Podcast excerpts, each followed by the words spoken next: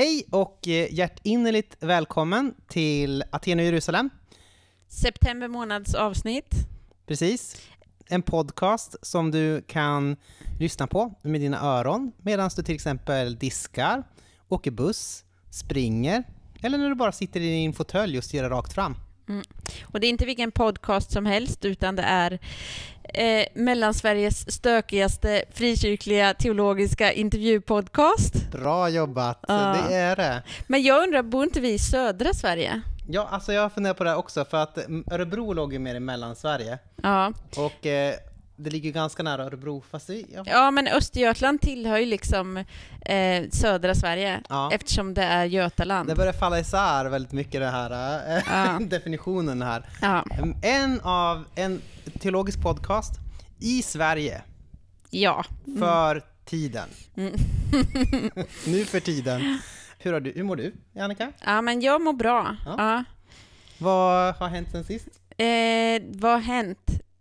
In, inte mycket. Nej. Men ehm, Inte så mycket sen, eh, det var kanske innan sommaren. Nej, var det juni du var med sist? egentligen? ja, alltså det har väl hänt jättemycket sedan juni, men eh, det är sånt där eh, vardagliga saker som är tråkiga att rapportera om.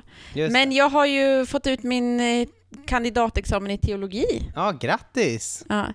Jag tror kanske du presenterade att jag hade det, men nu har jag det formellt också. Mm. Just det, och Mm. den, precis för vi har ju den, eh, det, det var ju den vi intervjuade dig om. Ja, jag precis. intervjuade dig om. Min C-uppsats. Ja. Mm.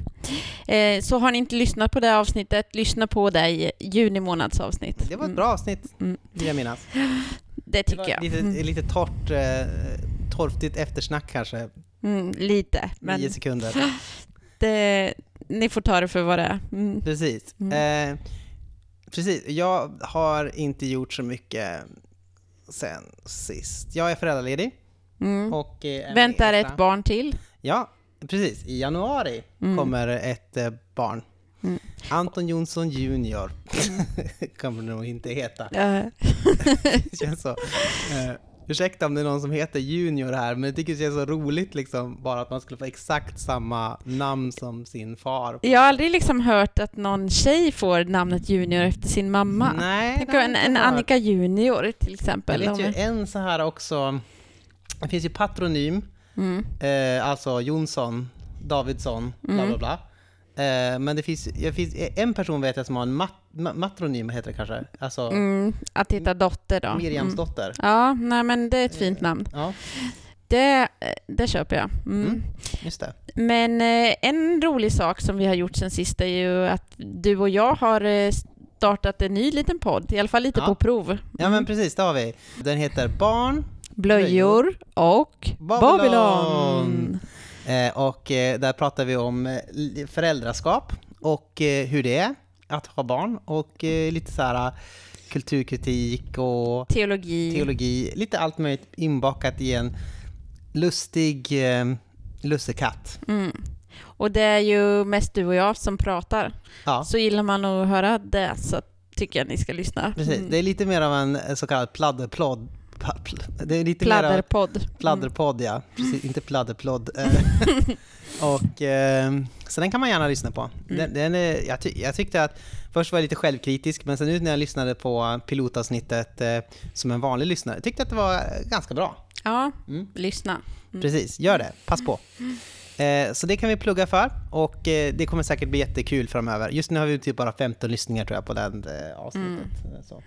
Vi räknar med att den kurvan stiger rakt uppåt Eh, efter rakt det här uppåt. avsnittet, när vi har uppat den podden. Ja, Mm. precis. För här tillhör ju, att, ni tillhör ju Aten och Jerusalem-familjen kan man ju tänka. Ja, det Mm. tycker jag. Precis. Den här månaden pratar vi med Lena-Sofia Thiemeyer. Ja. Ja.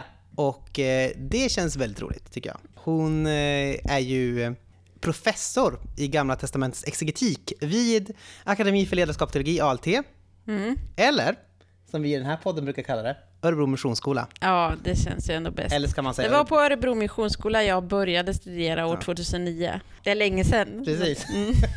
med mycket deltid där. Eh, och Eh, man kan säga Örebro teologiska högskola också, då kan man komma förbi det här om man måste säga Akademi Ja, just det. teologi. Mm. Eh, hur som helst, hon har levt ganska mycket utomlands sedan hon var 19 och sådär.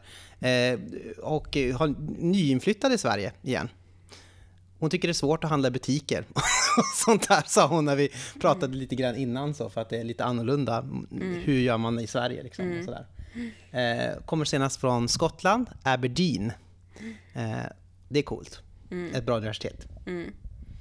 Så välkommen. Till, välkommen till Sverige. Ett, ja. Vilket tillskott till Missionsskolan. Verkligen. Mm. Väldigt intressant teolog tycker jag. Mm. Och jag skulle säga att det var ett frejdigt och roligt samtal, tycker du inte det? Jo, men det tycker jag absolut. Ja. ja. Eh, spänst i det på något sätt. Mm. Precis, mm. så att det blir både lite personligt och mm. exegetiskt och allt däremellan, teologiskt till och med. Mm. mm. Ni har en fin stund framför er, ni vänner som ska lyssna på det här. Mm. Annars, eh, kära Annika, undrar jag, är det någonting du har tänkt på på sista tiden? Ja, men jag har en liten eh, månadens mönster faktiskt. Månadens mönster. Jag är väldigt glad att det här inslaget har fått en jingel. Mm. det hoppas jag kommer varje gång nu framöver. Mm. Jag måste bara komma ihåg att jag sa det nu. Mm. Månadens mönster. Eh, här tar vi upp eh, saker vi tycker är dåliga. kan man säga så lite förenklat? ja, det kan man väl säga. Och om ni inte kan historien bakom så kan ni googla det. Mm. Eh, M, U med ett sånt här uh, roliga tyska prickar ovanför. N, S, T, E, R. Mm. Och så kan ni söka Münster Rebellion eller något sånt där, så mm. kommer ni. Mm, gör det. Men eh, det jag har tänkt på är att i... Jag tycker att coronapandemisituationen i Sverige har avslöjat att vi inte tycker att kultur är viktigt. Jag vet inte om du har följt det här Jonas Gardell-spektaklet? Nej, jag har missat Jonas Gardell-spektaklet. Vad har han gjort? Nej, men han, han är arg över att de här restriktionerna på 50 personer fortfarande kvarstår. Ah. Eh, så, och eh, tycker att eh, nu får det väl banne mig vara nog, lite så. Eh, för kulturen håller på att dö. Eh, han har också krävt kulturministerns avgång och lite så. Man kan tycka lite vad man vill om Jonas Gardell och de här eh, restriktionerna eller om det är rätt eller fel. Det är inte det jag vill kommentera utan eh, hur vi ser på kultur som sådant. För att under pandemin så har vi låtit väldigt många saker fortgå. Till exempel vapenproduktion på Saab. Mm. Eh, till exempel att eh, Eh, alla gallerior som säljer saker hålls öppna. Liksom. Mm. Eh, egentligen kan man väl säga att de, liksom, nu kommer min vänstersida fram igen, men alla, allt som tillåter business as usual när det gäller det kapitalistiska systemet mm. eh, har fått fortgå. Eh, men eh, kulturen har ju, och idrotten ska man säga, eh, har ju lidit väldigt under de här restriktionerna som har kommit. och det är ju människors dels är det människors försörjning, men det är också att det riskerar att liksom bli ett hårt slag på kulturen även på längre sikt. Så. Men då är det som att vi tänker att det här är det här är saker som man kan offra eftersom att de inte är så viktiga. Typ. Mm. Det kan vi ägna oss åt när vi har eh, tid och när det inte är kris. Typ så. Och då, då tänker man kanske på kultur mycket som en underhållningsgrej. Just det. Men är inte kulturen mycket större än så och mycket djupare och viktigare? Mm. Precis, jag brukar säga någonting sånt här uh, i stil med vi kan inte bara hålla på och göra saker, vi måste ha någonting att leva för också. Mm. Typ. Mm. det måste finnas någon sorts... Det kan inte bara vara att vi sitter och tuggar fram massor med produkter och, och liksom konsumerar dem. Det måste finnas också någon sorts mening eller substans i saker. Kan, allting kan ja. inte bara bli... Och kulturen är ju något som är meningsskapande och som hjälper oss att förstå vad det är vi håller på med. Och det är tack vare kulturen som vi också kan ifrågasätta sakerna vi gör och fundera på om vi behöver göra dem på ett annat sätt. Och då eh, liksom... Eh, ja den, den, kulturen i Sverige har inte en så hög ställning eh, och inte humaniora överhuvudtaget. Eh, så. Det, det är ett ingenjörs och nyttosamhälle till, i väldigt Mm. stor utsträckning. Och jag, tyck- jag är less på det. Mer klassisk bildning, mer teater och mer, eh, mindre av allt det andra. Mindre göra och mer vara, reflektera. Ja. Precis. Mm. Låter som en eh, grekisk filosofkung nästan. Ja. Gör jag det? Mm, lite. Ja, men det, det var bara min lilla, lilla mönster. Att eh, mer kultur åt folket. Det Be- behandla inte kulturen som om den är disposable. Det finns en rolig anekdot som jag just berättade för dig om eh, svenska, när svenskar ska göra affärer i, i Frankrike så brukar de franska liksom, CEOserna eh, liksom lotta vem som tvingas liksom, Måste stå ut med svensken. som måste stå ut med svenskarna och spela golf med dem. För de kan ingenting om litteratur, kan ingenting om kultur, kan ingenting om filosofi. Det enda de kan är affärer och golf. Mm. Det var otroligt torftigt att umgås med tyckte de. Om, om det här anekdoten är sann så är den i så fall väldigt träffande. Precis, rolig anekdot. Ja. Det var det helt enkelt. Det- Ett, ett slag för kulturen Ett och en knäpp på näsan åt eh, Sveriges syn på kultur. Det låter bra. Ja, men ska vi dyka in i dagens avsnitt eller? Nu gör vi det. Mm. Tar vi sats. Mm.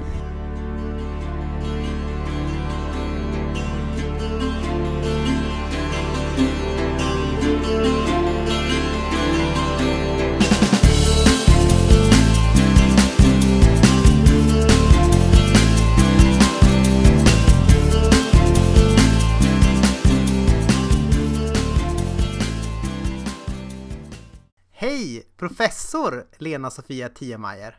Säger man Tiemeyer förresten? Är det så man uttalar det? Man ska säga Tiemeyer. Tiemeyer? Ja just det, för det finns inget R där. Det är, Nej! Just det, så det är Tiemeyer. Tiemeyer. Det är, det är tyskt eh, låter det som då när man Det uttalar låter som tyskt, ja. För Ja. att jag är gift med en tysk. Min Ja. make Andreas är tysk och jag har tagit hans efternamn. Jag tyckte inte det var så stor vits med att behålla mitt flicknamn. Vad var ditt flicknamn för någonting? Bard. B-A-R-D. Jaha, som Alexander Bard och... Eh, Just det, kanske. ja, ja, Eh, Men jag hette Bard redan innan han blev känd. Så. ja, just det. Och vi är inte släkt. Nej, det är inte. Nej. Nej, det är vi inte. Ja, skönt höll jag på att säga, men det kanske man inte ska säga. Det har inte jag heller sagt någonting Nej, om. nej precis. Det, vi, inge, vi låter det vara osagt. Jag, Eh, för de som inte känner dig, eh, vem är du? Hur skulle du presentera dig själv? jag är en rätt onormal medelålders svensk kvinna. Jag är onormal på det sättet att jag har inte bott så mycket i Sverige. Eh, jag lämnade Sverige när jag var 20 år och flyttade till England och jobbade som volontär. Sen flyttade jag till Israel och där jobbade jag först som au pair och sen så blev jag student. Sen flyttade jag tillbaka till England. Sen flyttade jag till USA, till Portland, Oregon i två år. Och sen flyttade jag till Skottland och där har jag bott i 15 år. Det är en sån där globalist kan man säga. Mm. Ja, det kan man väl säga. Och det är naturligtvis så har ju alla de här flyttarna och mötet med människor runt om i världen präglat mig. Så å ena sidan så tror jag att jag är väldigt vanlig, väldigt normal, hoppas jag i alla fall. Å andra sidan så är jag nog rätt onormal eftersom jag har flyttat runt så mycket och sysslar med Gamla Testamentet på heltid. Och det kanske också är lite onormalt, även om jag tycker det är väldigt trevligt. Det är inte någonting som var och varannan person gör i alla fall, att de eh, ägnar sig heltid åt eh, Gamla Testamentet. Nej, det är det ju inte och ibland så blir det lite plågsamt att prata om det hela. Till exempel om jag ska gå till hårfrisörskan, då frågar de alltid vad gör du? Och då säger jag det jag gör och då blir det en sån här paus i konversationen. Och sen är det oftast rätt svårt att föra ett normalt samtal. Jag har hört att det gäller också när präster och poliser går till, säg, hårfrisörskan. Då, När Mm. man säger vad man gör, då blir det som en paus och så vet inte människor riktigt hur de ska relatera till det. Ja men så är det. Det, det de vanligtvis gör, det är, jag presenterar mig då om jag jobbar som pastor så brukar de vanligtvis säga vad är skillnaden mellan en präst och pastor? Då har de köpt sig lite tid. Ja, just det. Ja. Så Men ja, så jag skulle nog säga att vara professor i GT är en väldigt stor del utav min, min identitet, för det är så mycket i mitt liv som har med det att göra. Det här runtflyttande till exempel, det var ju för att jag var student och sen så fick, blev jag, jag var student i Israel, jag blev student i Oxford, sen fick jag ett jobb i Birmingham, Sen fick jag ett jobb i USA, sen fick jag ett jobb i Skottland sen fick jag ett jobb här. Så alla de här flyttarna är ju, vad ska vi säga, jobbmotiverade. Och när jag tittar på sociala medier, till exempel när jag tittar på Facebook, så inser jag ju, och jag vet inte om det här är tragiskt eller positivt, att ungefär 70 procent utav mina Facebook-vänner, de är ju då lärare i GT någonstans i världen. Så man kan nog säga att det är en väldigt stor del av vem jag är. Precis, då kan man ha en ganska bra intern jargong gissar jag med sina Facebook-vänner då om man... Eh... ja, det, det, det, kan man ju ha. Så är man del i massor med Facebook-grupper. En av mina favoritgrupper är vad man ska göra med SBL-påsar. Just det, eh, det är den här eh, stora konferensen. Eh. Just det, Society of Biblical Literature. Och varje gång man åker på den så får man en sån här påse eller tote bag som det heter. Och har man hållit på med det här i några decennier så har man då massor med sådana här påsar hemma. Och då finns det en grupp som är just dedicerad till vad man gör med dessa påsar. Då ger man varandra råd när man har småbarn kan man använda dem som blöjpåsar. Eh, när barnen blir lite äldre så blir det gymnastikpåsar. Man har dem när man går och handlar. Ja, ja. när man flyttar, de är väldigt användbara, så får man liksom tips då hur man använder dessa påsar. Känns som att det skulle kunna vara en liten risk eh, för eh, retning om man skickar med en så här eh, Society for Biblical Literature eh, gympapåse med sina barn. I Sverige i alla fall kanske. Okej, okay, ja, mina barn de har två var. Ja. Och de har använt då den ena som simpåse och den andra som gympapåse i skolan. Och jag tror inte de någon gång har blivit retade för det. Ja, men vad bra. Det låter som att de har vettiga klasskompisar då, måste jag säga. Hur kom det sig att det blev eh, Gamla Testamentet som du liksom intresserade dig för, studera och sen forska i? Okej, okay, det är väl lite av en slump. Men jag tror det, det finns någon... Jag kan börja då med min barndom. Att mina föräldrar är inte troende. Men min pappa tyckte att jag skulle gå till söndagsskolan för det var då del utav svensk kultur. Jag skulle veta vad som stod i Bibeln. Och som godnattsaga så läste han Bibeln för mig. Igen mm. då bara som litteratur. Men han läste bara Gamla Testamentet. För att assistera min far så var berättelserna mycket roligare där. Ja men det håller jag med om. De är lite mera fartfyllda för barn. Mm. Ja. Och sen så eftersom mina föräldrar inte då är troende så hade de ingen aning om att det fanns saker som barnens bibel. Så min pappa läste verkligen Gamla Testamentet ur 1917 års översättning för mig som godnattsaga. Och jag tror inte att han tog ut speciellt många bitar utav det hela. Så när vi läste om Josef, då läste vi hela Josefberättelsen. När han mm. läste om David så var det då hela Davidsberättelsen. Inte mm. något tillrättalagt på något sätt. Så när jag kom till söndagsskolan så hade jag en väldigt underlig uppfattning om vad som stod i Bibeln. Jag kunde väldigt mycket om patriarkerna. Jag hade ingen aning om någonting i Nya Testamentet. Jag minns en plågsam tipspromenad när de frågade, jag var på barnläger och de frågade vad var de fyra evangelisterna? Och jag vet att jag trodde det var någon slags astronauter. Ett visst handikapp då? ja, sen så eh, klarar ju söndagsskolan av att göra mig lite mer bevandrad i Nya Testamentet. Så ja, men jag har väl ända sedan barndomen haft den här kärleken för Gamla Testamentet just för att berättelserna är roligare. Jag blev fascinerad väldigt tidigt av persongalleriet i Gamla Testamentet. Och sen så gick jag på bibelskola på EFS Hollands folkhögskola. Jag tror det nu heter Åredalens folkhögskola. Mm. Jag gick bibellinjen där. Och vi åkte på studieresa till Israel och det var också en väldigt viktig del utav min utveckling till sen att bli GT-forskare. För jag, jag kom dit, jag hade aldrig varit i Israel förut. Och på något sätt så var det som att bitar började falla på plats. Att jag upptäckte då att det här var ett land som då inte var ett när jag gick i söndagsskolan så hade man då en sån här filt bild utav mm. Israel mm. som man satte upp på en grön filttavla. Och det fanns ingenting runt om Israel utan man kunde sätta upp kameler och Josef och Maria och på den här filttavlan. Men Israel var liksom alldeles för sig själv. Men sen när jag kom till Israel så insåg jag att det här är ju faktiskt en del utav världen. De har, det finns grannar, det finns en historia. Eh, det här är någonting som man kan ta på. Det är inget urklippt eh, pappersbit som man stoppar upp på en grön filttavla utan det här är verklighet. Så när jag hade varit i Israel så bestämde jag för att jag ville, komma till, jag ville åka tillbaka till Israel. Och det jag gjorde jag då ett år senare som au pair. Och då började jag lära mig hebreiska och tyckte det var väldigt fascinerande.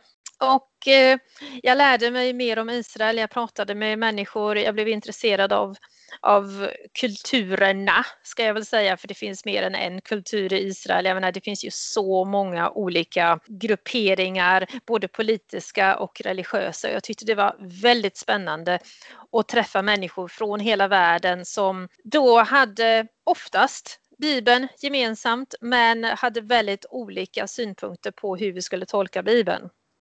Och jag lärde mig känna några kompisar som pluggade just bibelvetenskap på Hebreiska universitetet. Och the rest is history. Jag började plugga och tyckte det var oerhört fascinerande. Så det ena ledde till det andra. Jag fortsatte, jag gjorde en BA, sen gjorde jag en MA. Sen lämnade jag Israel och hamnade i Oxford. Jag gjorde en, jag disputerade. Så sen har det liksom fortsatt. Men grunden ligger nog i min pappas godnattsagor. Mm. Ser så mycket, så mycket liksom läsande för barn kan betyda. Det här känns någonting som du skulle kunna tänkt på Annika. Ja precis. Min son vill bara höra om kemi och eh, joner och sånt där. Men det är ju positivt det också. Han har grundlagt ett tidigt intresse för, för joner. Mm, precis. Ja, jag tror inte joner är sämre än Jakobs söner på något sätt. Mm.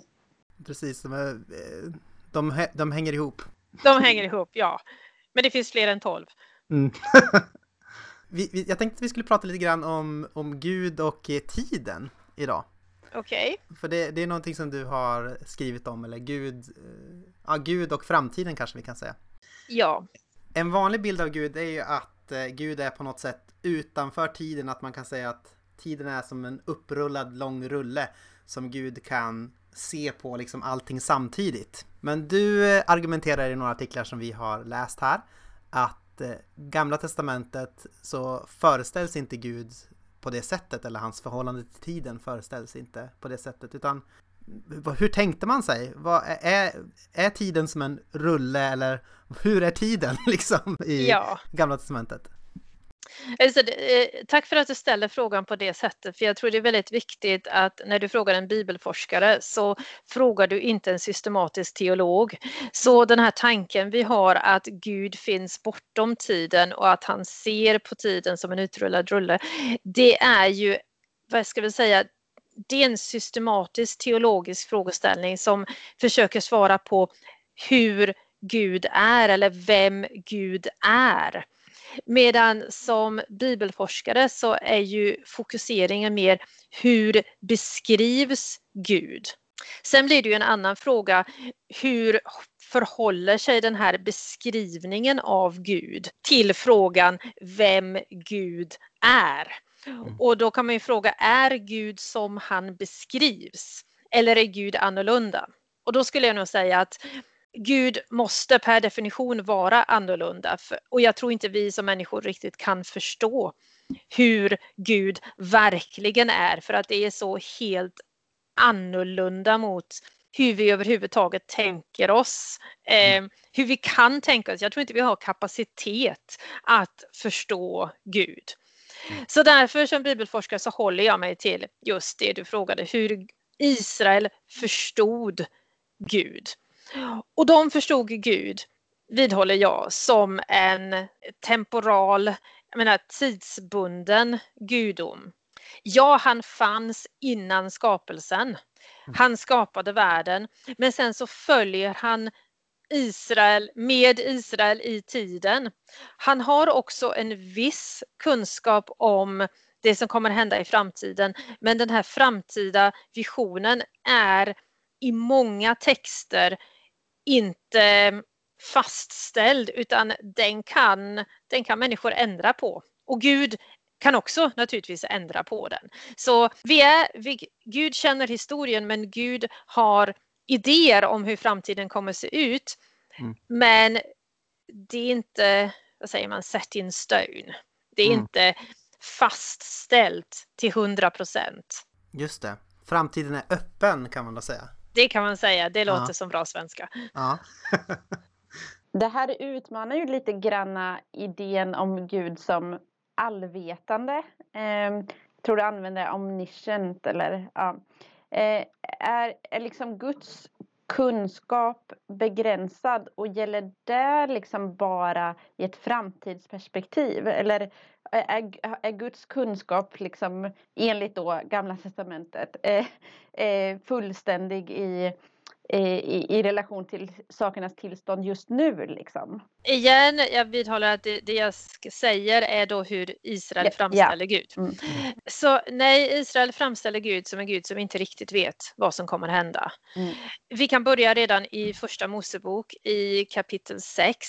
Gud tittade på sin skapelse och såg att den var ond och då bestämde han sig då ångrade han sig att han hade skapat världen och han bestämmer sig för att utplåna mänskligheten. Och om Gud hade vetat det från början, då blir ju allt det här bara det blir ju mm. otroligt grymt. Så Gud skulle ha skapat världen, han visste att han sen skulle utplåna hela mänskligheten ett antal år senare. Och, och det, det, det, känns inte okej. Okay. Det mm. känns väldigt kalkylerande, det känns väldigt beräknande och väldigt grymt. Det känns som att mänskligheten skulle vara små möss i ett laboratorium och Gud vet precis att ja, jag menar, ja, jag kommer inte dö på dem om så och så många år. Men mm. Eh, det var ju kul så länge det varade. Mm. Och likadant om vi tittar på Saul och David så tror jag inte att Gud visste att han skulle förkasta Saul. För igen, om Gud hade vetat det, då känns det som att han bara leker med Saul. Okej, okay, jag ska smörja dig till kung, men jag vet att om ungefär 10-15 år så kommer jag förkasta dig. Mm. Eh, eh, jag, menar, jag tror inte Gud det, det känns väldigt, vad ska vi säga, icke-seriöst och det känns inte som någonting som en kärleksfull Gud, en ansvarsfull Gud skulle göra. Så för mig så känns det lättare att tänka mig Gud som en Gud som faktiskt inte riktigt vet hur människorna kommer agera. Han mm. vet inte när han krö, låter smörja Saul att han sedan ska förkasta Saul. Utan mm. det är någonting som man upptäcker senare. Gud reagerar ju då på hur människorna handlar. Men han reagerar ju utifrån vissa nästan bestämda mönster. Det är ju också för mig en känsla till tillförsikt. Att om Gud säger att om du fortsätter på det här sättet, då kommer jag att straffa dig. Men om mm. du gör bot och bättring, om du omvänder dig, så kommer jag inte göra det. Det är ju på något sätt, det är ju riktlinjer. Gud kan alltid välja att göra som han vill. Han är ju inte mm. bunden till dessa riktlinjer. De är just riktlinjer. Ja, men precis. Du skriver vid ett tillfälle att just att Gud kan ändra sig är på något sätt en garanti för Guds barmhärtighet också i, i Gamla Testamentet. Alltså, hur kommer det sig? Alltså, jag kan ju börja med en personlig eh, fundering. När jag var tonåring så tyckte jag predestination var väldigt, väldigt, väldigt jobbigt. Mm. Eh, jag var personligen övertygad om att jag var förkastad. Och eh, jag menar, det var väl min morbida tonårstid, eh, men jag var övertygad om att jag var förkastad då i slutändan. Mm. Och eh, så även om jag gav mitt liv till Jesus, jag var troende så i slutändan så kom det inte det här spela någon roll för Gud hade redan bestämt att jag var förkastad och jag kunde inte göra någonting åt det. Vad jag fick det därifrån, det vet jag inte, men i alla fall och jag tyckte det var otroligt jobbigt för jag kände mig som att jag var liksom fångad i någonting, att jag inte hade fri vilja, att jag inte kunde agera. Det fanns ingenting jag kunde göra. Om Gud hade bestämt sig för att han skulle förkasta mig så, så, så var det ingenting jag kunde göra någonting åt jag kommer ihåg välvilliga pastorer och ungdomsledare försökte prata med mig om det här. Och så, först så försökte de säga Lena, du är inte förkastad. Men jag, jag sa, men det kan ju inte du veta. Jag menar, det, det vet du ingenting om. Och sen så förklarar hon då att Gud står utanför tiden och du har fortfarande fri vilja. Men jag kunde fortfarande inte få ihop det, hur jag kunde ha fri vilja och hur det kunde fungera tillsammans med predestination. Och jag får det faktiskt fortfarande inte att fungera i mitt liv. Även om jag kanske nu har kommit över de här känslorna av att jag är totalt förkastad.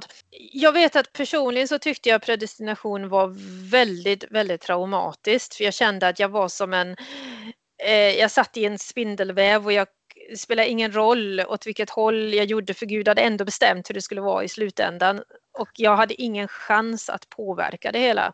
Jag, jag tänker då att det här att Gud har planer men att Gud kan ändra de planerna. Det blev för mig och jag tror också att det var så för Israel att det kändes som att människan är inte som en fluga i ett spindelnät utan människan har en viss kontroll över sin situation och kan påverka situationen och väljer man att tillhöra Gud då är det så.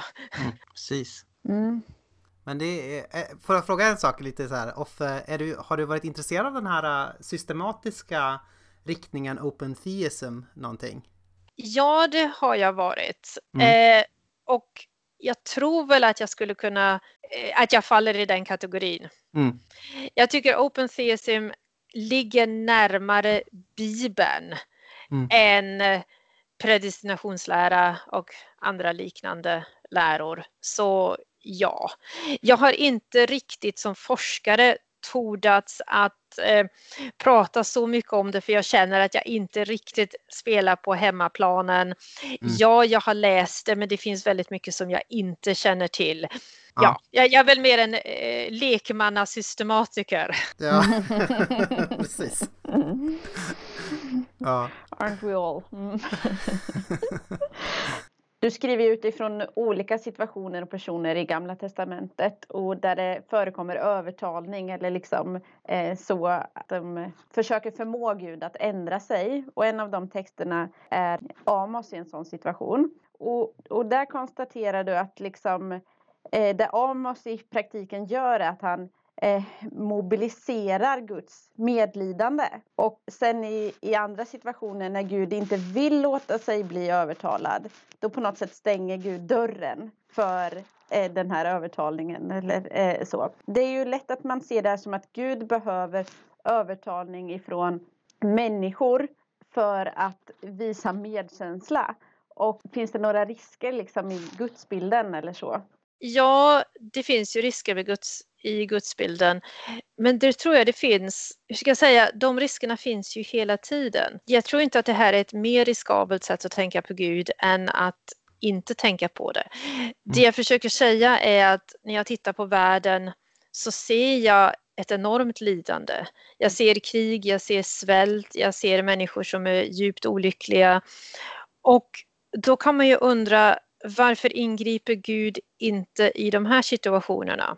Mm. Så det är ju en, det är egentligen en mycket, mycket, mycket större fråga. Varför ingriper inte Gud? Och hela idén med bön, mm. om jag har förstått det rätt, är ju ett sätt att mobilisera Gud. Vi ber till Gud, vi berättar att vi befinner oss i en situation antingen som vi är väldigt glada över och då tackar vi Gud. Och mm. genom att tacka Gud så talar vi om, då ger vi honom direkt feedback att det här, den här situationen den, den tycker jag om. Eh, mm. Fortsätt gärna med den.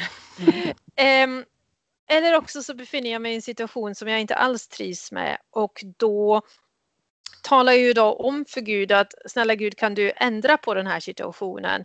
Jag är sjuk, kan du göra mig frisk? Eller mina barn mår inte bra, kan du hjälpa dem? Eller också jag menar, vi har ju kyrkans allmänna förbön där vi ber för både jag menar, politiska ledare, vi ber för situationen i världen.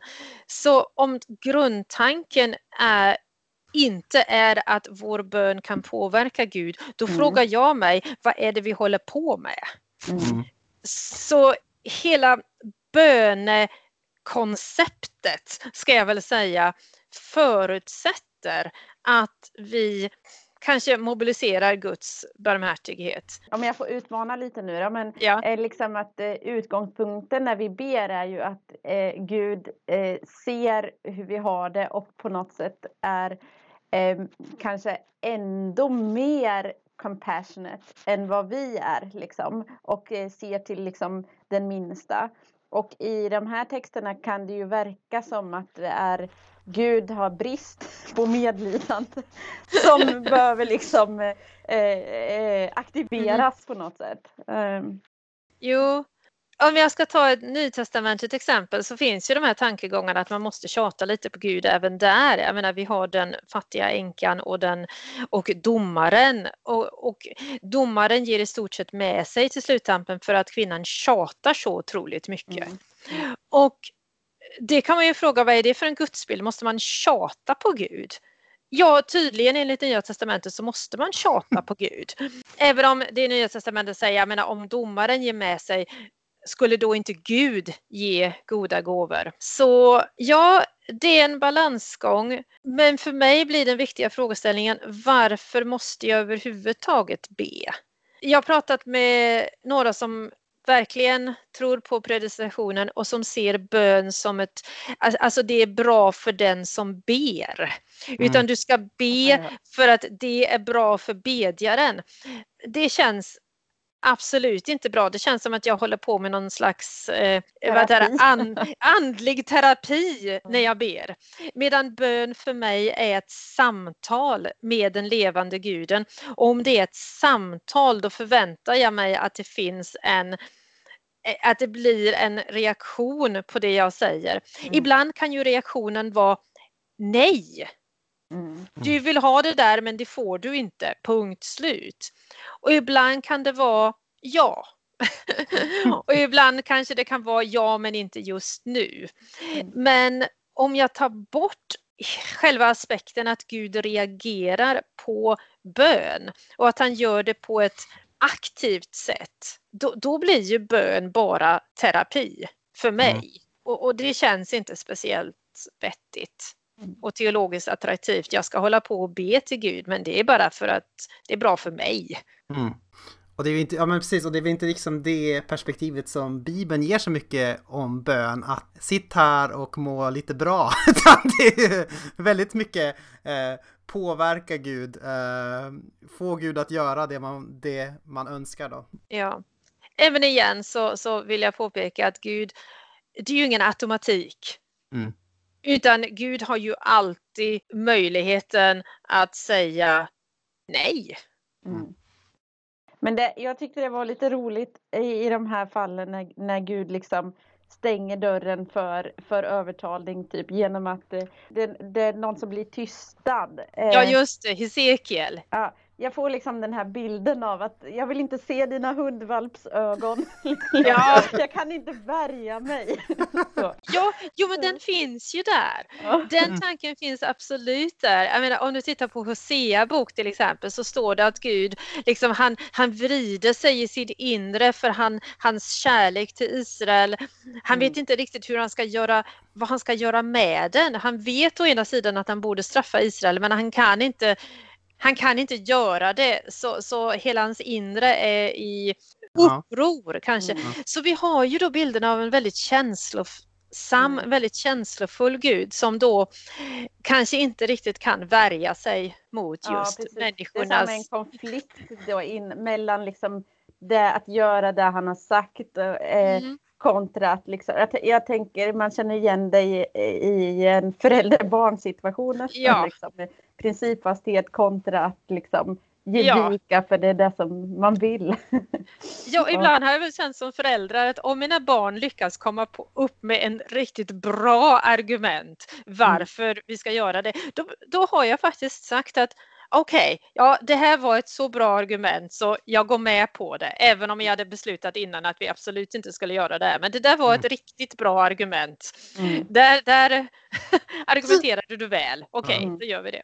Jag, jag, tycker, en sak som jag tyckte var väldigt fascinerande med din artikel om Amos, det är att jag aldrig fattat det här med att det kommer små så här utbrott efter att eh, en dom beskrivs och säger det tyst!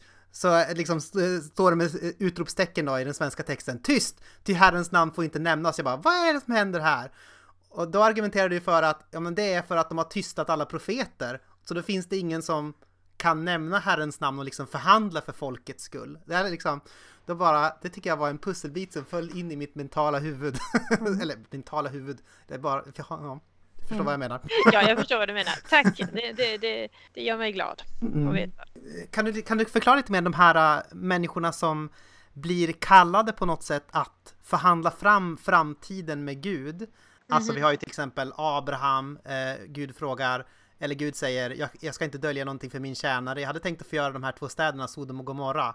Vad tänker du om det? Amos som sagt får, får lite olika visioner eh, om, om straff över Israel och, eh, och han får respondera på vad han tycker om det. Alltså vad, vad, är det som, vad är det för roll som de här människorna liksom intar gentemot Gud? Jag tror att de intar eller de har beskrivits som profeter. Så Abraham beskrivs som en profet just för att han argumenterar med Gud. Mm. Moses beskrivs som en profet för att han argumenterar med Gud. Så på det sättet skulle jag säga att de är profeter just på grund av att de eh, håller på och förhandlar. De förhandlar inte med Gud för att de är profeter. De är profeter för att de förhandlar med Gud. Aha. Då kanske jag skulle säga det. Så det är liksom det är själva definitionen av vad en profet, en som kan argumentera med Gud? Just det, en människa som står mitt emellan människorna och Gud. Och oftast så är ju profeten den som framför Guds talan till folket. Mm.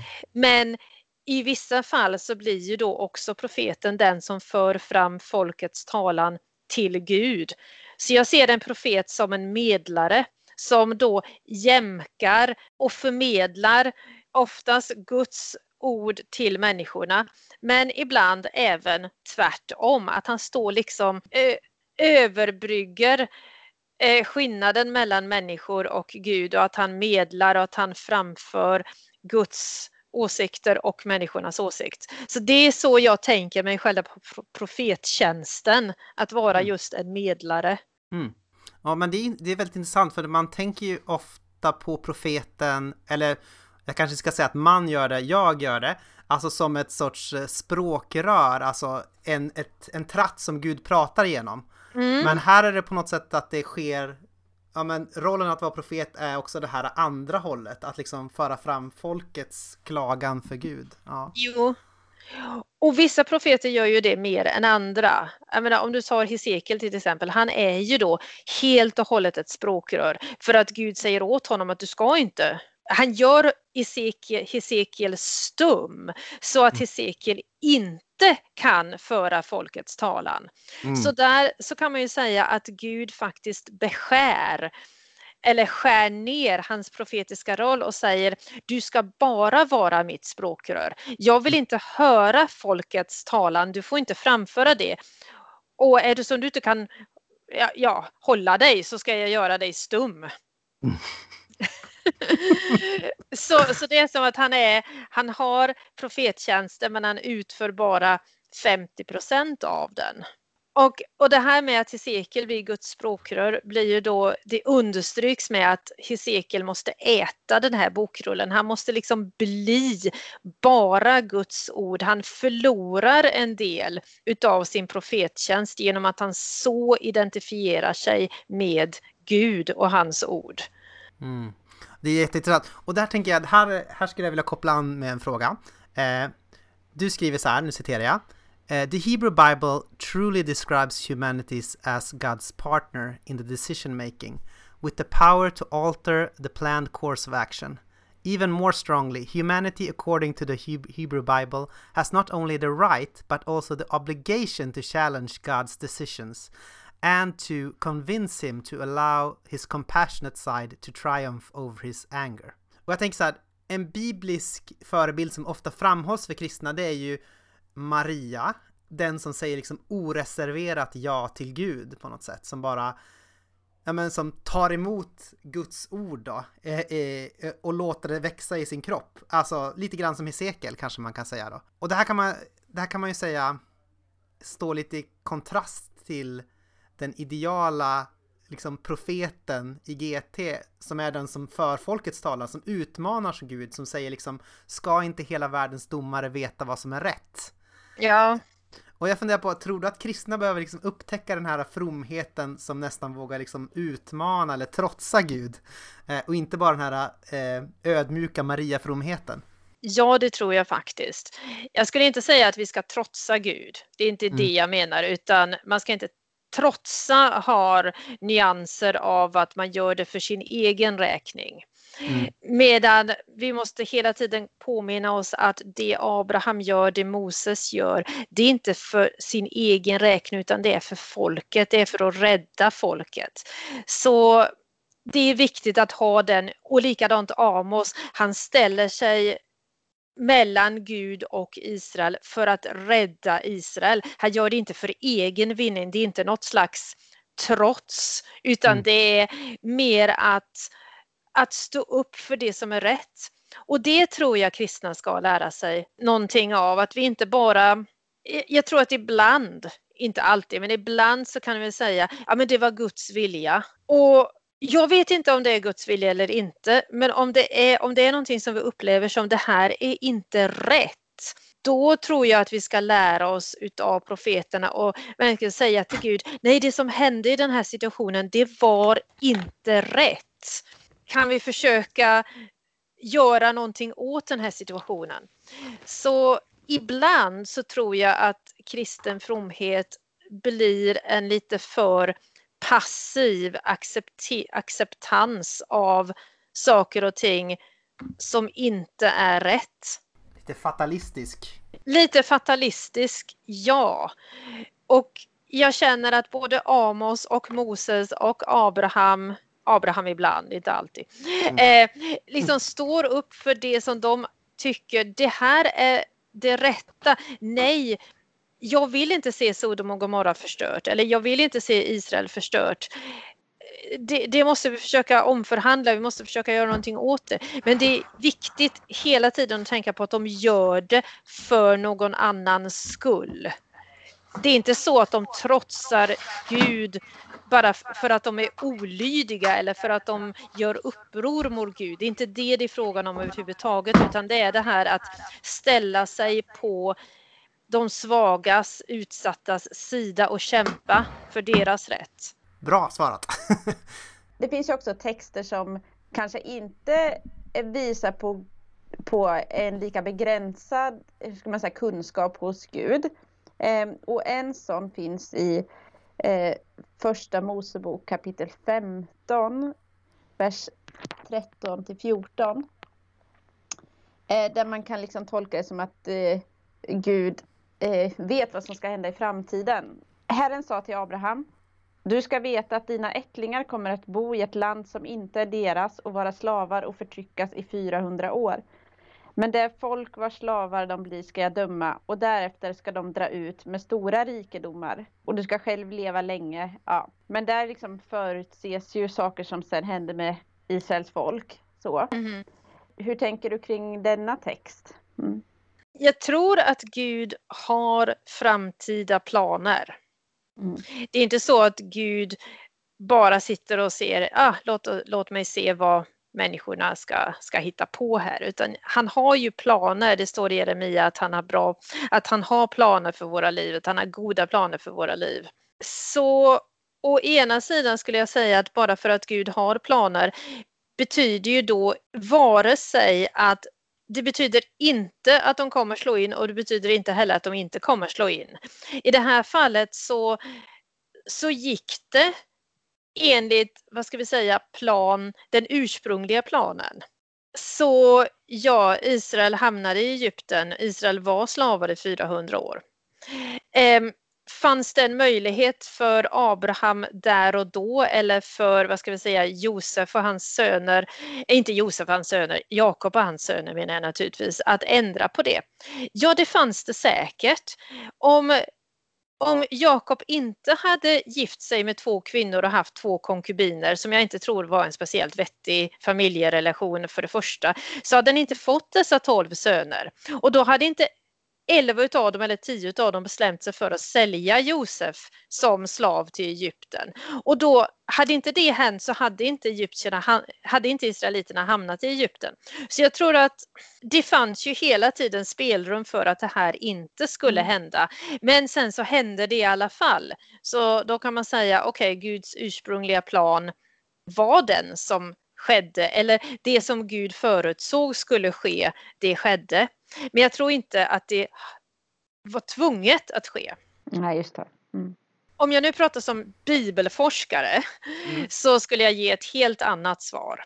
Och då skulle jag säga att eh, första Mosebok skrevs långt efter det som har hänt. Vi vet inte egentligen när första Mosebok skrevs men i alla fall långt efter det att Israel hade varit i Egypten och kommit tillbaka från Egypten.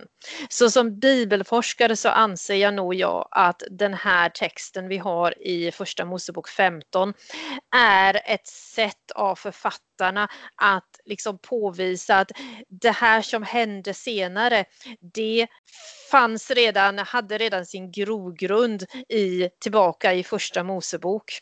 Mm. mm. För att jag ser inte första Mosebok som någonting som skrevs när Abraham levde. Jag menar, för i första Mosebok så fortsätter det ju, jag menar, sen kommer de andra patriarkerna och de slutar i Egypten. Så när första Mosebok avslutas så kan man ju säga att de redan är, då håller det ju redan på att ske. Så jag skulle nog säga att det vi ser här i eh, första Mosebok 15 är författarperspektivet mm. som kommer väldigt starkt, som framträder väldigt starkt. Mm. Just det. I och för sig så, det mesta tänker man väl kommer till efter exilen va? I, eh, i GT? Ja. Ja. Så då kan man inte riktigt heller säga att det skulle kunna vara som en utveckling eller att man mer tänker sig Gud som den som har koll på tiden som en rulle då, utrullad rulle. Utan för att det skulle, för att samma, för texter som skulle säga att eh, Gud är mer den som reagerar på mm. reagerar i nuet eh, är ungefär samma tid. Ja. Hänger du med på mitt eh, lite luddiga resonemang här? jag, jag, tror det. Ja. Och det jag skulle säga är att eh, jag skriver lite om det i slutet av den här artikeln om Amos. Att många av de här texterna när Gud ändrar åsikt är teodiska så tillvida att de talar om att Gud hela tiden var beredd mm. att inte förstöra Israel. Så det blir nästan som en what if historia. Mm. Gud visar att han är kärleksfull, att han är beredd att ändra på sig. Men det var Israel som valde villigt att inte ändra på sig. Och det blir då ett sätt att nästan rentvå Gud. Gud var där, han gav Israel chansen. Och hade Israel tagit chansen, då hade Gud inte förstört Jerusalem. Mm. Men Israel tog inte chansen. Och mm. därför förstörde Gud Israel. Så det är ett sätt att både rentvå Gud och samtidigt att skylla på lägga all skulden på Israel. Det var Israels fel att Israel hamnade i exilen för det var Israel som inte återvände till Gud. Mm. Det är på något sätt lite intressant att eh, det är nästan som att man, man, kan ju tänka så här att människan är förändlig och eh, Gud är oföränderlig, immutable som man säger på engelska. Men eh, här är det nästan som att det är liksom folket som är oföränderliga, immutable och Gud är den som är mutable eller föränderlig. Just det. Och mm. hade folket bara ändrat på sig lite, då hade mm. Gud varit jättevillig mm. att, att inte straffa dem. Du, eh, du forskar ju i Gamla Testamentet, men om du nu skulle stiga ut ur din comfort zone lite grann. Åh, hjälp! Håller du koll på de fyra evangelisterna? Ja, jag, jag vet vilka de är, vilka de var. Ja. eh, skulle du säga att, den här, att bilden av Gud och hans eh, förhållande till tiden förändras i Nya Testamentet eller är det ungefär eh, samma? Jag tror att beskrivningen av Guds förhållande till tiden börjar ändras redan i vissa böcker i Gamla Testamentet. Mm. Den börjar ändras redan i Danielsboken för att mm. de historiska förhållandena börjar ändras. För den här teologin att Israel kan välja hur Gud reagerar, eller inte välja, men de kan påverka hur Gud reagerar. Det fungerar jättebra när Israel och Juda är självständiga nationer, när de kan bestämma hur mm. de ska handla, när de har en kung på tronen i Jerusalem. Då har de kontroll över sitt eget öde kan man säga. Mm. Och då så fungerar den här teologin. Då kan Gud säga, ja, men om ni gör bot och bättring då kommer jag att välsigna er. Om ni fortsätter att synda då kommer jag straffa er. Men sen efter, i den postexiliska tiden, när vi, när vi kommer framåt in i speciellt den grekiska tiden, så förändras förhållandena. Då börjar människorna i Juda lida, inte för att de gör uppror mot Gud, utan för att de faktiskt tillber Gud. Så det blir en situation av förföljelse när de förföljs på grund av att de är judar. Inte på grund av att de är som de andra folken. Så det är en väldigt skinn, det är stor skillnad på den historiska kontexten. Och då fungerar den här tanken att Gud ändrar på sig inte riktigt. För då kan man inte riktigt säga längre att Gud välsignar dem när de gör bot och bättring, för det gör han ju inte. De lider ju på grund av att de tillber Gud. Mm. Och då börjar de här tankarna att Gud kanske har en plan som kommer hända oavsett vad vi gör. Då blir det en tröstande tanke. När människor inte har kontroll över sitt eget öde, när de inte kan säga jag gör det här eller jag gör det här. När de lider på grund av att de gör det rätta, då börjar Israel att tänka om hur Gud reagerar. Mm. Och då kommer den här tanken som vi ser i Daniel men som vi ser mer i evangelierna och i Uppenbarelseboken att Gud har en plan och att i slutändan, även om det är massor med jobbigheter just nu, så kommer den här planen att då gå framåt, för Gud har bestämt att det ska gå framåt och den kommer sluta i Guds seger över sina fiender. Ja, det är de historiska, den historiska kontexten som ändras när mm. Israel och Juda förlorar sin självständighet som då leder till en annan gudsbild. Och den ja, men... börjar då redan i den grekiska tiden. Den börjar redan i Daniels bok, i senare kapitlen där. Ja men precis, för det har jag också Ja, men jag, jag, tänker också det att det, det, det, är ganska stor skillnad i, i genre hur Gud är till tiden. Alltså i apokalyptisk litteratur så tycker jag ändå att det är ganska tydligt att det är, finns en bokrulle. Ja. Eh, där framtiden är nedskriven liksom. Absolut, ja. ja. ja. Just det. Och det är intressant på något sätt att i en sån situation när man är förtryckt, då är det en tröst i alla fall att ja, men det kommer ändå sluta på som Gud vill. Just det.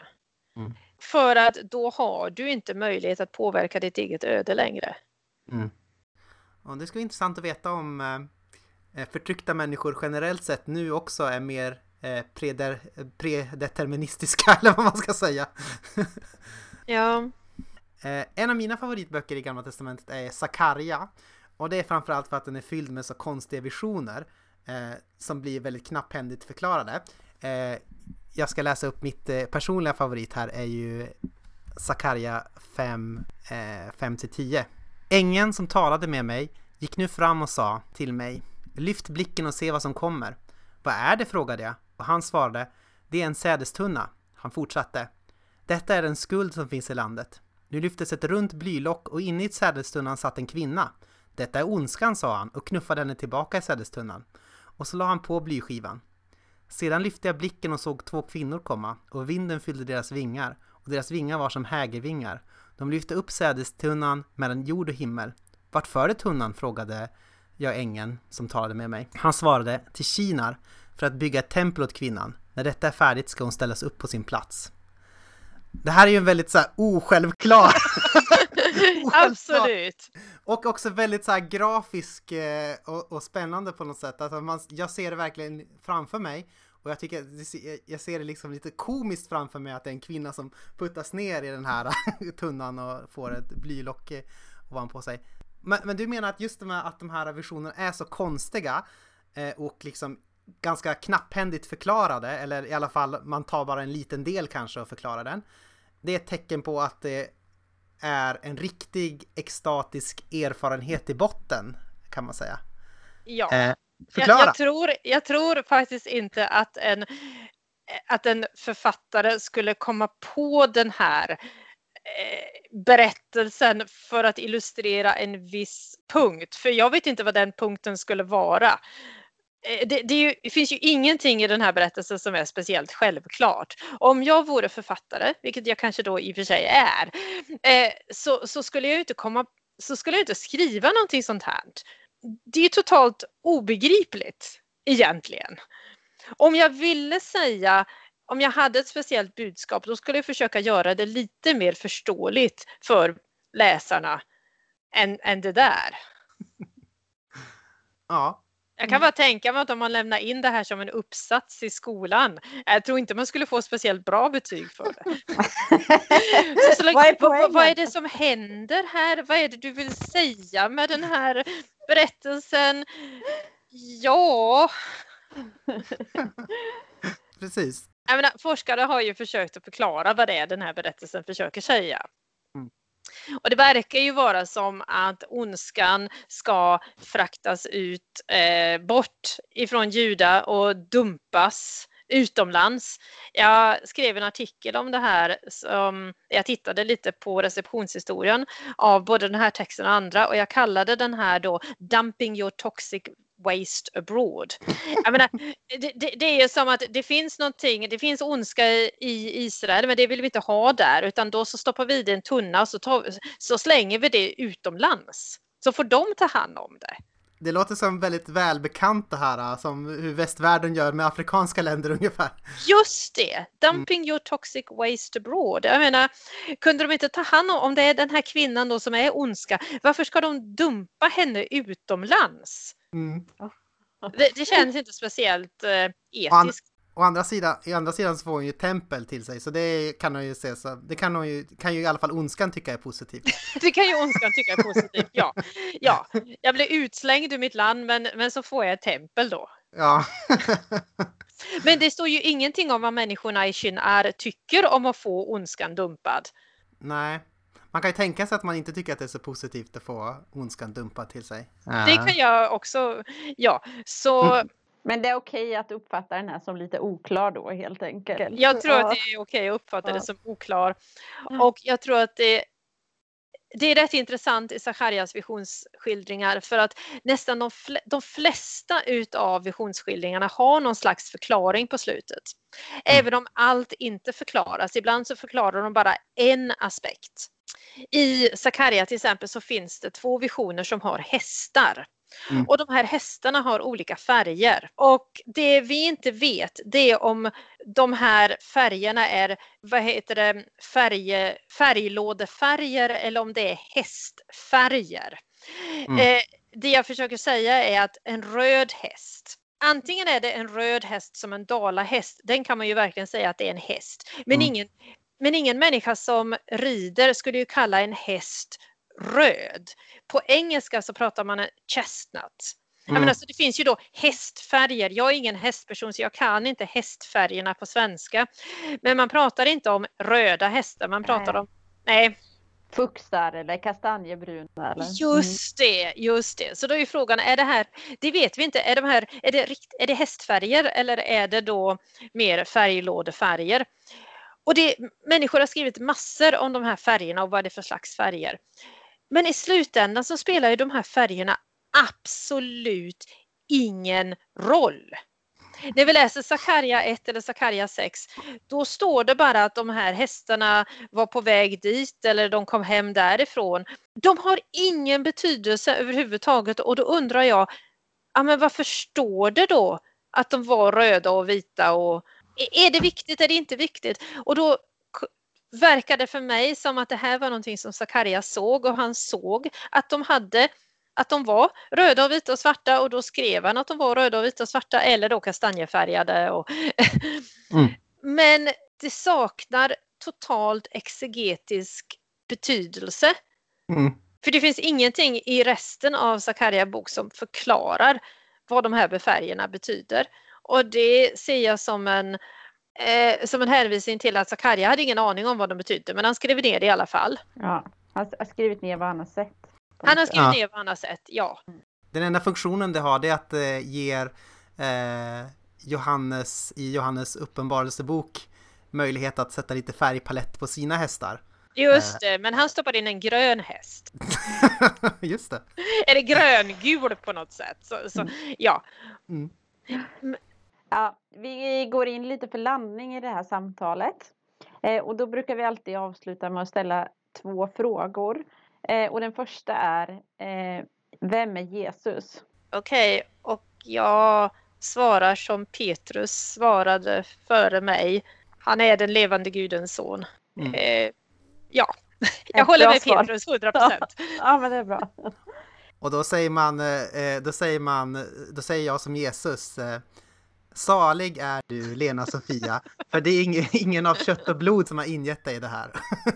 Eh, tack så mycket. Ja. Och den andra avslutande frågan är, vem borde vi intervjua i den här podden? Om ni inte har något emot att köra intervju på engelska så skulle jag nog rekommendera Beth Elnes Hansson. Hon är lärare i GT på Johannelunds teologiska institut. Mm. Hon skulle välja att svara på frågorna på engelska. Men för hon kommer ursprungligen från Amerika. Men hon är en väldigt intressant forskare och har jobbat väldigt mycket med hur Gamla Testamentet tolkas i stor, vissa delar av Afrika, speciellt inom Masai-kulturen. Mm. Så det skulle jag kanske rekommendera. Mm. Det låter faktiskt väldigt spännande, mm. måste jag mm. säga. Verkligen. Det här har ju varit väldigt roligt tycker jag. Mm. Det är alltid roligt att diskutera bibeltexter på något sätt. Och... Ja, speciellt om de handlar om färgade hästar och ja. kvinnor i sädestunnor. det är de bästa! Det är det, absolut. det är jätteintressant.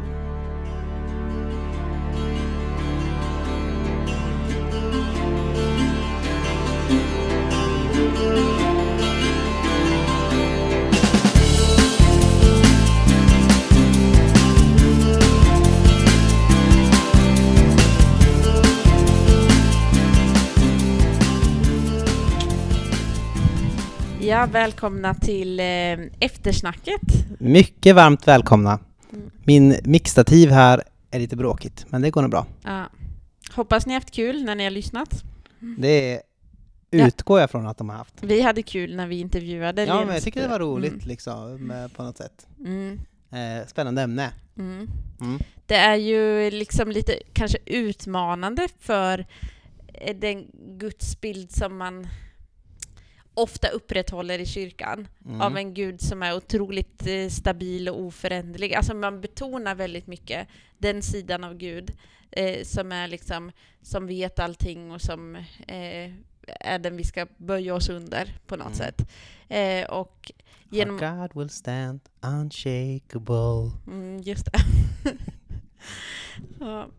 Men, eh, och då tycker jag att det är väldigt spännande med en eh, teolog som utifrån då Gamla Testamentet i det här fallet lyfter fram en annan sida av Gud mm. eh, som eh, ju på många sätt kanske kan vara mer tilltalande, eller vad, eller vad tänker du? Mm. Ja, det är väldigt spännande det här.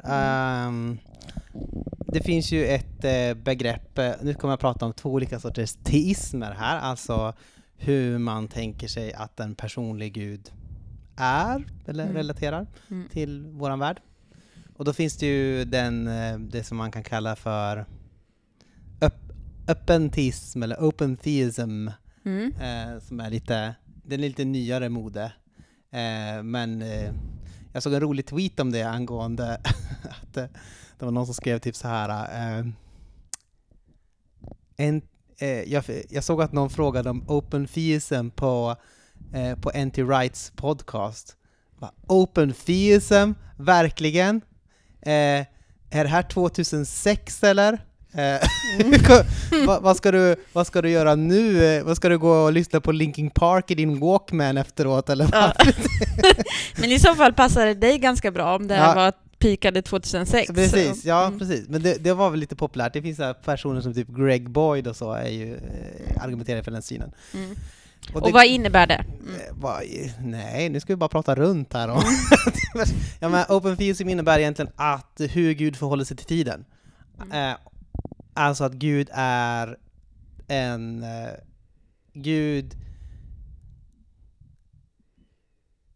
Gud, Gud har inte bestämt för framtiden i förväg, mm. utan framtiden är öppen, kan man säga. Ja. Framtiden är öppen och kan ta väldigt många olika vägar. Mm. Och det, på det sättet vill man ju behålla att människan har en agens, liksom. Mm. Att det människan väljer spelar roll. Det är mm. liksom inte bara ett spel där eh, mm. Gud eh, Gud, Gud, Gud, har redan bestämt vad ja, du kommer det. välja och var du kommer sluta liksom. Mm. Eh, och så man, det är det som är det viktiga tänker jag i det här eh, perspektivet, att man vill behålla människans frihet. Och att också att bön spelar roll, att mm. man kan be Gud om en viss utveckling av framtiden. Mm.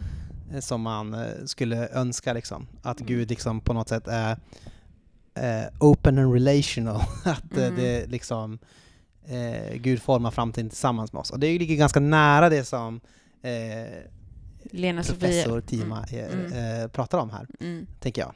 Att, eh, Nej men det och, låter ju som att det ligger nära Hon där. säger också det att jag tycker att det här är sympatiskt, säger hon i intervjun. Mm. Liksom så. Mm. Som en lekmannasystematiker eller vad var hon sa? Ja, ja. Eh, och så. så hon, eh, jag tycker det är lite kul med den här intervjun för att hon, eh, hon jag tänker så här när man ska intervjua en exeget, att det är ofta så här bara, okej, okay, så här står det, nu kommer inte jag ta så mycket ställning till det, utan det här, så här står det ungefär. Mm. Typ, men det här är mycket mer, hon, växlar ganska mycket mellan typ så här, så här tänker, så här tänker jag, och så här säger texten, så här tänker jag. Så här. Mm. Alltså det är lite mer så här, det är ganska dynamiskt så här att hon går mm. in och ut. Hon förhåller sig till texten och ja. eh, eh, har en personlig uppfattning om den också. Precis, och kan mm. säga också så här, Ja, men jag kan tänka mig att den uppkommer i en sån här situation, den här texten, men jag tänker också utifrån så här personligen, att bla bla bla, bla att det kan mm. vara så här liksom, mm. man kan läsa den. Mm. Eh, jo, så det är Open Theism. Och så finns det då klassisk eh, teism, eh, som är en gammal uppfattning också, eh, från första kyrkans tid ungefär, eh, ska vi säga. Mm. Eh, I mötet med, man kan väl säga i mötet med grekisk filosofi, så kommer här. Och det går ut på att Gud är till exempel oföränderlig. Mm. Eh, Gud är utanför tiden, mm. den orörliga röraren mm. eh, och så vidare. Eh, så. Jag måste säga att Open Theism har oddsen emot sig om den kom på, koms på 2006. Nej, men den det, första koms um, på vid kyrkans eh, födelse, typ. Men då skulle man ju säga då, ja men Gamla Testamentet är mera det här, eh, då skulle man säga, ja men det, det här är ju en scen, det här är ett grekiskt påfund, så nu har vi återupptäckt liksom de här hebreiska rötterna, ja, skulle de säga. Mm, eh, så. Mm. Men klassisk teism, eh, man kan säga så här, personligen så har jag nog var jag nog lite inne på det här open teism-tankarna, aldrig om jag var typ så här wholesale köpt på det.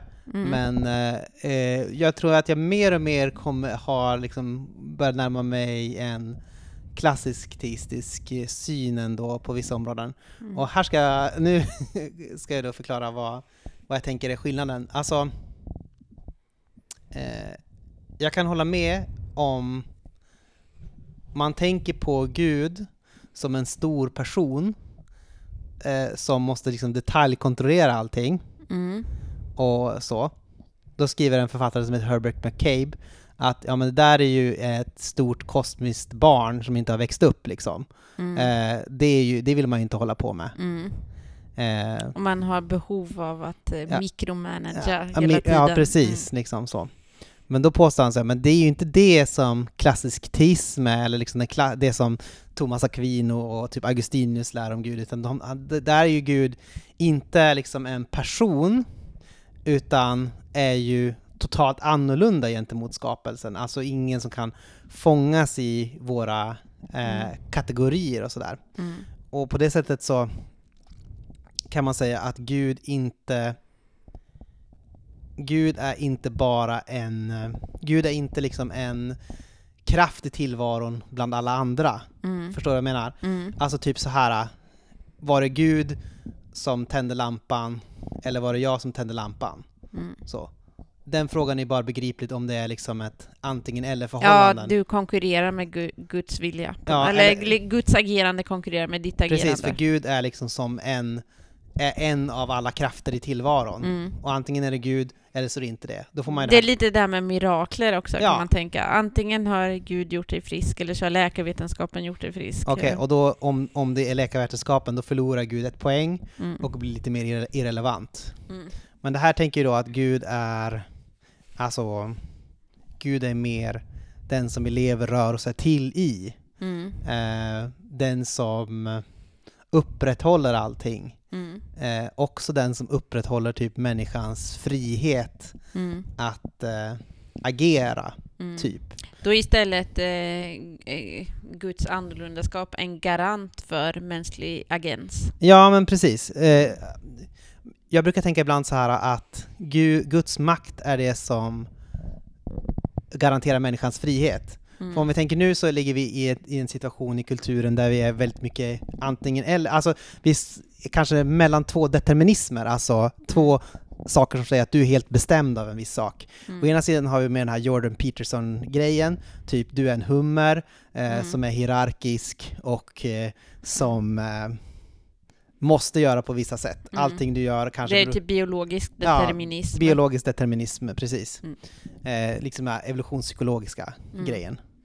Och så har du å andra sidan en eh, annan determinism, en mer social determinism. Alltså mm. du är ingenting annat än den roll du har i samhället, den mm. klassen du tillhör, mm. den, kön. det kön du tillhör, de intressen du har. Mm. Eh, du är liksom bara del av ett större manus, ett script, mm. som du ingår i. Och mm.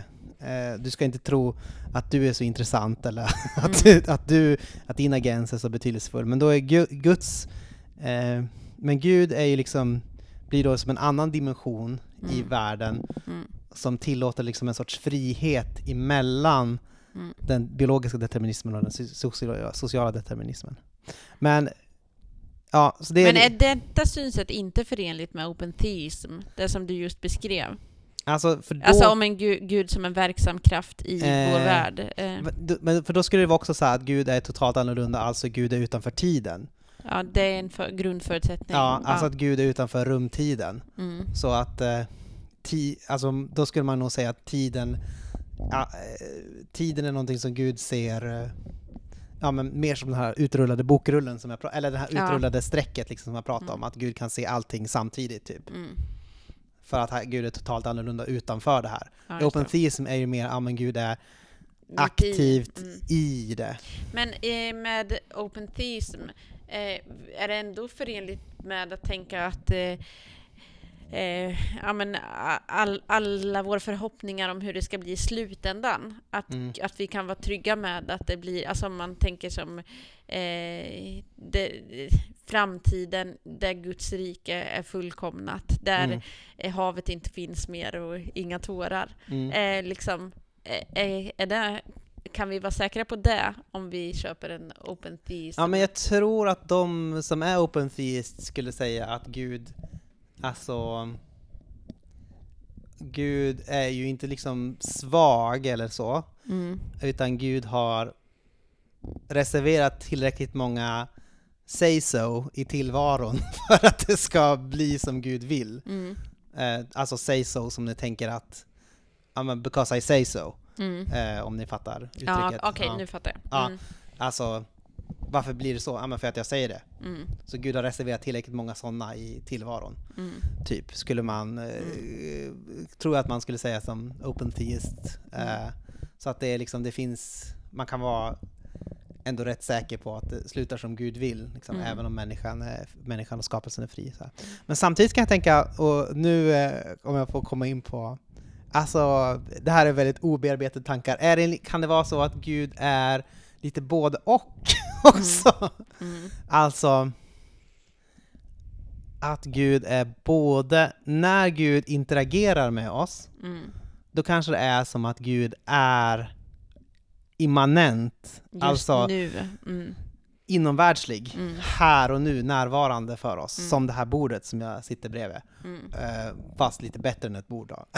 Mm. Så att när vi är i det perspektivet med Gud, då Mm. är Gud som, då är Gud S- Som Så- open theist säger att Gud är. att Mm. han liksom reagerar eller svarar eller så här, be, utifrån eh, utifrån att framtiden är öppen och så här. och samtidigt finns det något annat Mm. perspektiv på Gud Mm. där eh, ja, det är lite oarbetat Ja, och det är för att det är helt okej. det är för att jag tänker liksom att eh, ja, men det, Gud är olika olika genrer i Bibeln. Mm. Alltså om man tänker i eh, Första Mosebok 22, eh, Gud säger åt jag måste testa om Abraham älskar mig eh, över Isak liksom Mm. och eh, kan du offra honom på ett berg? Och så bara, nu har jag fått reda på det, bra! Mm. Eh, det var Om i och för sig dåligt begränsade eh, kunskap, ja. Ja. Mm. Mm. och eh, samtidigt så finns det liksom så här, ja men typ Uppenbarelseboken att ja men eh, det är en, ru- Gud har liksom koll på historien, den är som en rulle som är skriven som Mm. lammet kan öppna. Mm. Eh, Men eh, jag har inte läst eller tänkt tillräckligt mycket om det här, Mm. men det jag tänker är att en gud som är där, där framtiden ligger lite öppen och där Gud går att resonera med, det mm. blir mycket mer tilltalande att eh, eh, försöka kommunicera med en sån gud. Ja. Eh, alltså en gud som är så totalt annorlunda och eh, bortom och utanför tiden. Eh, eh, det kan bli som liksom, ja men, vad ska Gud med mig till? Eh, eller va, vad är det för poäng med att jag... vad, är det för, vad är det för poäng med att jag ska liksom eh, prata med Gud och göra mina önskningar kända? Alltså man kan fortfarande argumentera för att det finns en poäng med bön eh, genom att eh, eh, liksom vi förändras av att vi eh, ber till Gud till Mm. exempel. Men, eh, men du förstår kanske ändå vad jag far efter? ja, det är. Att absolut. Det är ju väldigt så här, spännande tycker jag att tänka på Gud som en som låter sig bevekas om vi frågar på rätt sätt till exempel. Ja, Mm. och, så här, och jag tänker att det här är ing- ingenting som har väldigt hugget i sten, typ, Mm. utan det här, alltså för att Gud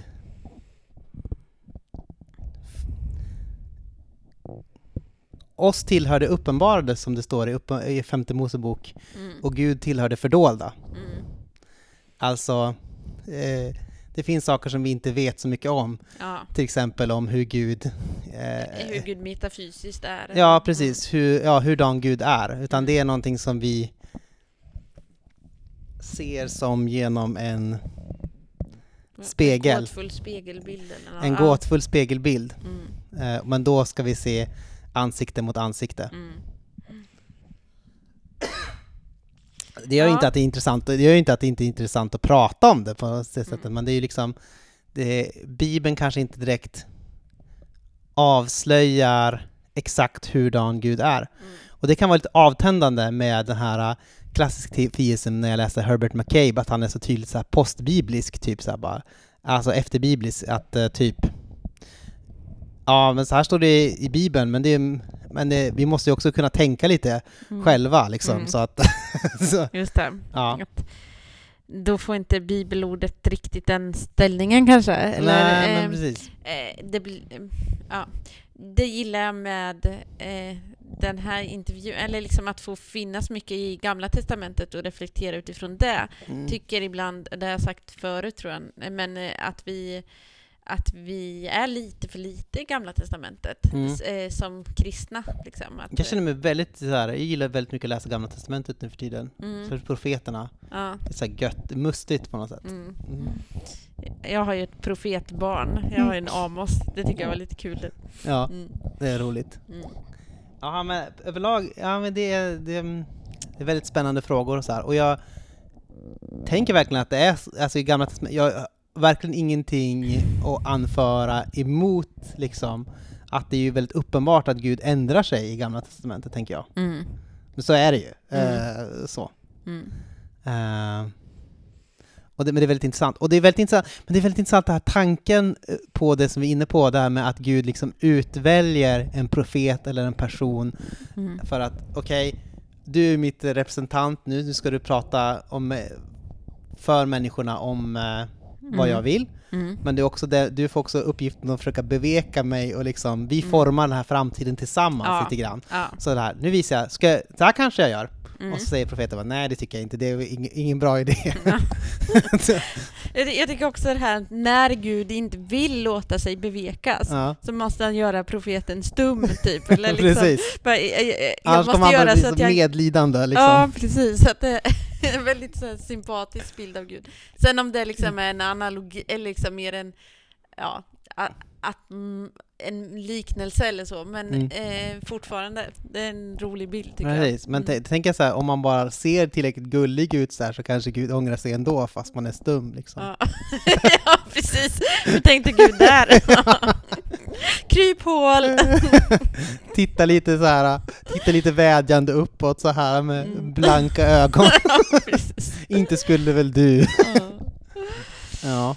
Ja. Nej men det är ju intressant, och jag tror att eh, Greger Andersson säger det vid ett tillfälle, det här med Sodom-berättelsen, Sodom och Gomorra, Mm. att då förhandlar ju Abraham med Gud och säger, Gud säger, ja, eh, Om det bara fanns tio Om det bara- rättfärdiga. om det bara fanns tio rättfärdiga, Mm. då skonar jag staden för att liksom Abraham håller på att förhandla ner, bara, ska inte den som är hela världens domare veta vad som är rätt? Kom igen, om det Mm. är tio rättfärdiga ska du få göra hela staden då? Och så bara, nej, nej, okej, det gör jag inte. Mm. Eh, Och då, då säger ju, eh, då skulle han ju förhandlat ner det till en Mm. person och skulle han gått in själv i staden. Mm. Precis. Eh, så. Mm. Modig, man måste slug i sina förhandlingar. Mm. Och då hade kanske Gud ändrat sig. Ja. Mm. Eh, precis, men det är, ja, det är väldigt eh, spännande tankar, så, eller väldigt eh,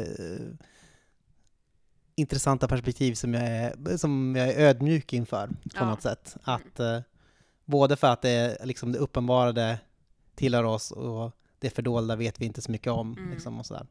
och Gud presenteras lite grann på båda sätten i Bibeln. Och så. Mm. Men också bara för att det är en väldigt, det är en väldigt spännande tanke på något sätt att, att Gud är så pass relationell också Mm. att han säger låt oss liksom jag bjuder in dig till att forma framtiden tillsammans med Mm. mig.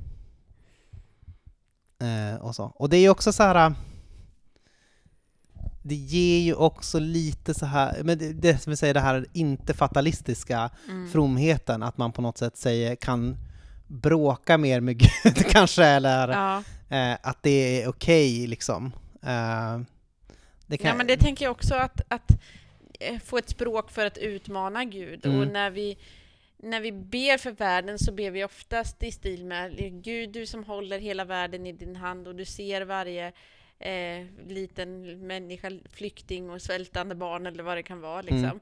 Men om man eh, hade mer ett bråk en bråkigare utgångspunkt, Mm. eh, skulle det vara fruktbart? Liksom? ja, Gud, kanske. varför gör du inget åt den här eh, situationen som är nu? Eh, nu är det dags, eller liksom...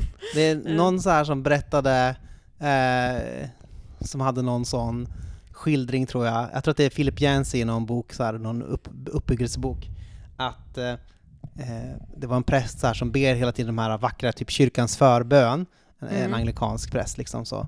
Mm. Och så sen så en dag eh, så bara eh, ställer han, så bara skriker han till bara Gud, vi ber det här varje vecka! Varför gör du ingenting? och liksom bara bryter hela den här vackra, liksom så här vädjande eh, logiken och så med liksom lite upproriskt tjut och sådär. Och det, Mm. men det är ju också en, så här, det är ju en väldigt eh, biblisk bön, alltså, att be att liksom Gud, varför gör du ingenting? Varför sover du? Mm. Varför låter du de onda ha framgång? Varför Ja. gör du inte Mm. si och så? Eh, Mm. så. Mm. Ja, Mm. det är något att återvinna för oss, tycker jag. Ja, Precis.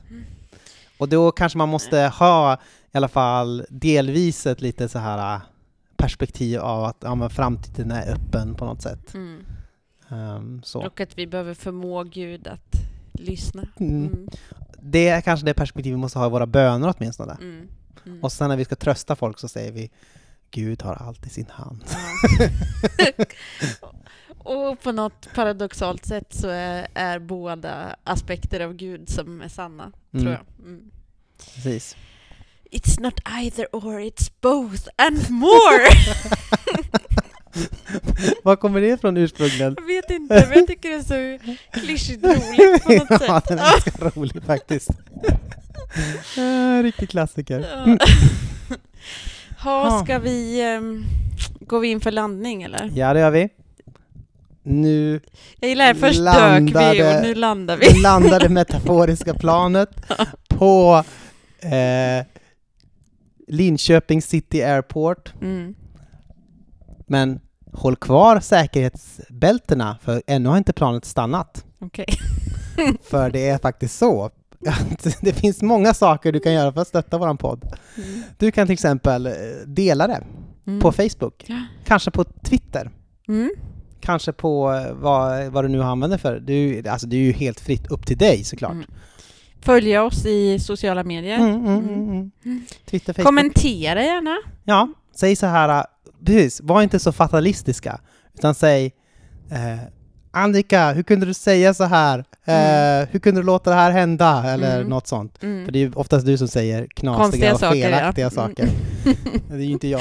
Du är alltid så timid och sticker aldrig ut hakan, Hakan. på något sätt. Äh. Säg bara saker som våran eh, progressiva lyssnarskala tycker är rimligt och bra. Mm. Mm. Mm.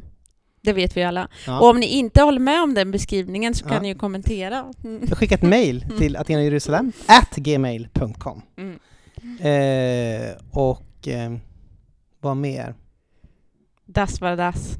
Ja, und äh, Sie können äh, Patronen Ja, Eh, okej. bekommen, Mm. vielleicht. Ni kan bli patrons. Mm. Können Sie mir äh, översetzen? Eh, Jag kan tyvärr inte tyska, men... ehm, Ja, eh, man, man kan ja, bli Patreon på patreon.com slash Jerusalem. Eh, donera en peng varje månad. Det får man Mm. göra om man vill. Mm. Supporta lite bra teologi, bra Mm. teologiska samtal. Mm. Presentera det för er. Eh, så att ni inte behöver ta högskolepoäng Mm. på det. Precis. Tänk vad ni får av oss. Mm. Mm. Precis. Inte så mycket värt i och för sig om man ska söka en tjänst på ett universitet. Jag har lyssnat på 40 timmar Athena Jerusalem. Ja, jag funderade på när jag eh, eh, en gång sökte till eh, en barnmorsketjänst om jag kunde liksom casha in att jag hade lyssnat typ 100 timmar på förlossningspodden. jag tyckte att jag kunde jättemycket, men jag tror inte det var värt så mycket. Nej. Mm. Det är inte så mycket formell kompetens, men Det det, inte mycket informell kompetens. Mm. Om du kanske sitter runt en lägerbrasa, eh, någon kille tar upp en gitarr, Mm. börjar spela Wonderwall, Mm. då kan du avleda uppmärksamheten och säga Hörru nu, har ni tänkt på det här med Gud och tid? Mm. Hur förhåller det sig egentligen? Ja. Eh, ackorden avtar, Mm. du är i centrum av festen. Okej, kanske är dags att stanna nu. Okej, eh, ha en bra eh, fortsatt månad. Nej, den är slut nu, men eh, ha en bra oktober. Hej! Mm. Hej.